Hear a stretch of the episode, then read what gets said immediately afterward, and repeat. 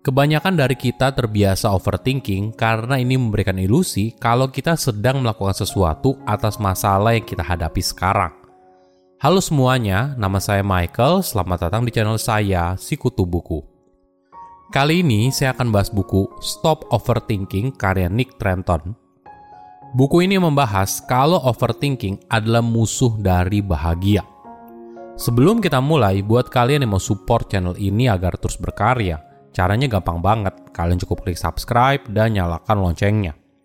Dukungan kalian membantu banget supaya kita bisa rutin posting dan bersama-sama belajar di channel ini. Overthinking sering kali menjadi alasan utama seorang tidak bahagia. Ketika kita overthink, kita fokus pada hal negatif dan skenario terburuk, yang pada akhirnya membawa kita pada kecemasan, stres, dan bahkan depresi. Anehnya, semakin sering kita overthink, justru semakin sedikit yang bisa kita pahami. Kita jadi semakin sulit untuk melihat sesuatu dengan jelas. Kecenderungan seseorang untuk overthinking biasanya dibentuk seiring waktu, dan tentu saja tidak bisa hilang dalam semalam. Jadi, cara satu-satunya untuk berhenti overthinking adalah mulai menjalani hidup seutuhnya berhenti meratapi masa lalu, cemas pada masa depan, dan fokus pada momen ini. Ketika kita bisa hidup di saat ini, maka kemungkinan kecil kita akan overthink dan mulai merasakan kebahagiaan dan kepuasan hidup. Saya merangkumnya menjadi tiga hal penting dari buku ini. Pertama, kenapa kita overthinking? Otak manusia begitu luar biasa Kemampuan kita untuk berpikir merupakan sebuah anugerah. Kemampuan untuk refleksi diri, menganalisa, dan menginterogasi proses berpikir merupakan satu-satunya karakteristik manusia yang membedakannya dengan makhluk lain. Pikiran bukanlah musuh, tapi ketika kita overthinking, kita justru melemahkan kemampuan otak. Berpikir berlebihan sering kali berujung pada kesusahan, Berpikir berlebihan terkadang disebut kekhawatiran, kecemasan, stres, atau obsesi. Terasa tidak enak dan merupakan lingkaran setan. Masalah dengan overthinking adalah ketika kita berpikir melebihi apa yang baik bagi kita. Sesuatu yang ada di pikiranmu bukan masalahnya. Apa yang terus kamu pikirkan adalah hasil overthinkingmu. Jadi walaupun kamu berhasil menyelesaikan masalah tersebut, masalah lain akan datang. Jadi, ketika bicara soal overthinking, kita bicara soal kecemasan. Kecemasan merupakan sebab, dan overthinking adalah efeknya. Banyak orang menjadi terbiasa melakukan overthinking karena memberikan ilusi kalau kita sedang melakukan sesuatu atas masalah yang kita hadapi. Jadi, misalnya kamu sedang mencemaskan soal kesehatan, maka ketika kamu overthinking atas berbagai sebab dan solusi dari sakit yang kamu alami, maka sekilas terlihat kalau kamu sedang berusaha untuk menyelesaikannya. Tapi kenyataannya, overthinking sering kali tidak membawamu ke mana-mana. Karena seorang yang overthinking justru terjebak dalam sebuah siklus dari menganalisa, menolak, dan memikirkan ulang berbagai kemungkinan.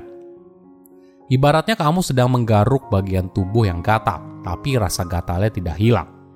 Jadi kamu bisa saja menggaruk bagian tersebut untuk merasakan rasa lega sementara. Tapi tidak lama kemudian, rasa gatal kembali muncul. Alasan lain kenapa kita sulit keluar dari siklus ini karena kecemasan memicu ketakutan terburuk kita. Biasanya ketika seorang sedang overthinking, kondisi ini lalu diperparah dengan rasa tidak aman yang muncul. Tak soal kemampuan pribadi, hubungannya dengan orang lain, dan sebagainya. Di sisi lain, ketika kita berusaha menekan pikiran ini, hal ini malah kontraproduktif. Kamu jadi terus-terusan berpikir apa yang kamu cemaskan. Kedua, apa faktor dari overthinking? Hidup kadang bisa terasa begitu banyak tekanan. Wajar kok apabila dalam kehidupan sehari-hari kau merasa tertekan, penuh tantangan, atau tidak nyaman. Tapi jika perasaan ini terus-menerus muncul dan menghambat kita dalam menjalani aktivitas harian, maka hal ini bisa membuat kita jadi sangat lelah. Banyak orang tidak menganggap serius ketika dirinya overthinking, padahal ini bisa berbahaya. Ada beberapa efek yang muncul. Pada fisik, kau mungkin mengalami jantung yang berdebar-debar. sakit kepala, pusing, imunitas menurun, dan sebagainya. Di sisi lain, mentalmu juga terganggu. Lelah, cemas, sulit konsentrasi, kurangnya motivasi, dan sebagainya merupakan efek yang mungkin saja muncul. Nah, apa sih sumber kecemasan? Pertama, diri sendiri. Sayangnya beberapa dari kita memang secara genetik lebih mudah cemas daripada orang lain. Tapi perlu digarisbawahi kalau genetik bukan satu-satunya faktor. Kedua, lingkungan. Coba lihat lagi area di mana kamu banyak menghabiskan waktu di sana, entah di rumah atau di kantor. Cek lokasinya, apakah cahayanya kurang terang, apakah berantakan, apakah berisik, dan sebagainya.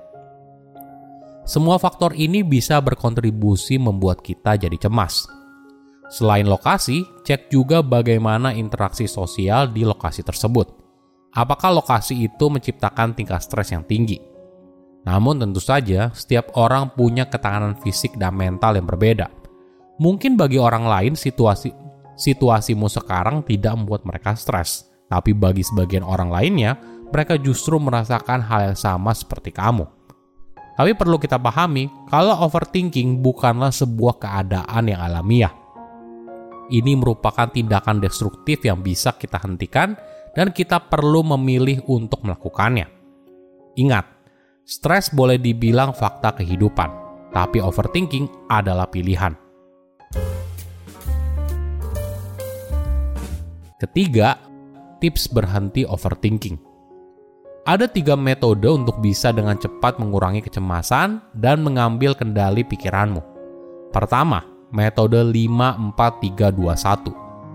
Metode ini cukup memberikan waktu kepada pikiran untuk kembali fokus pada panca indera sehingga kamu tidak lagi fokus pada pikiran yang penuh kecemasan.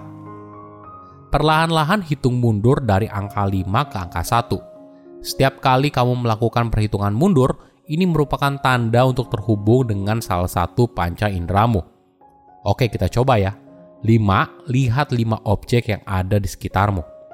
4. Dengar 4 suara yang berbeda.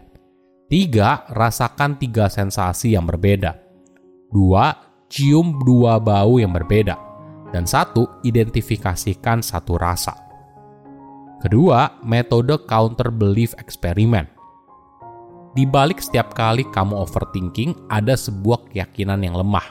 Misalnya, ketika kamu overthinking sebelum presentasi atau interview, kamu mungkin percaya kalau kamu kurang persiapan dan kemungkinan besar akan gagal. Jadi, apa yang bisa kamu lakukan? Coba balas pikiran yang negatif dengan pikiran positif.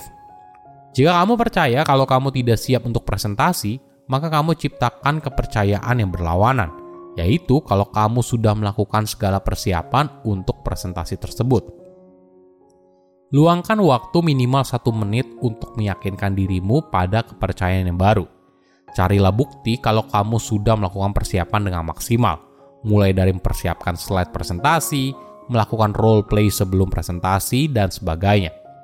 Bukti ini akan mendukung kepercayaan kamu yang berlawanan hingga akhirnya kecemasanmu berkurang dan pikiran overthinkingmu menjadi lebih tenang.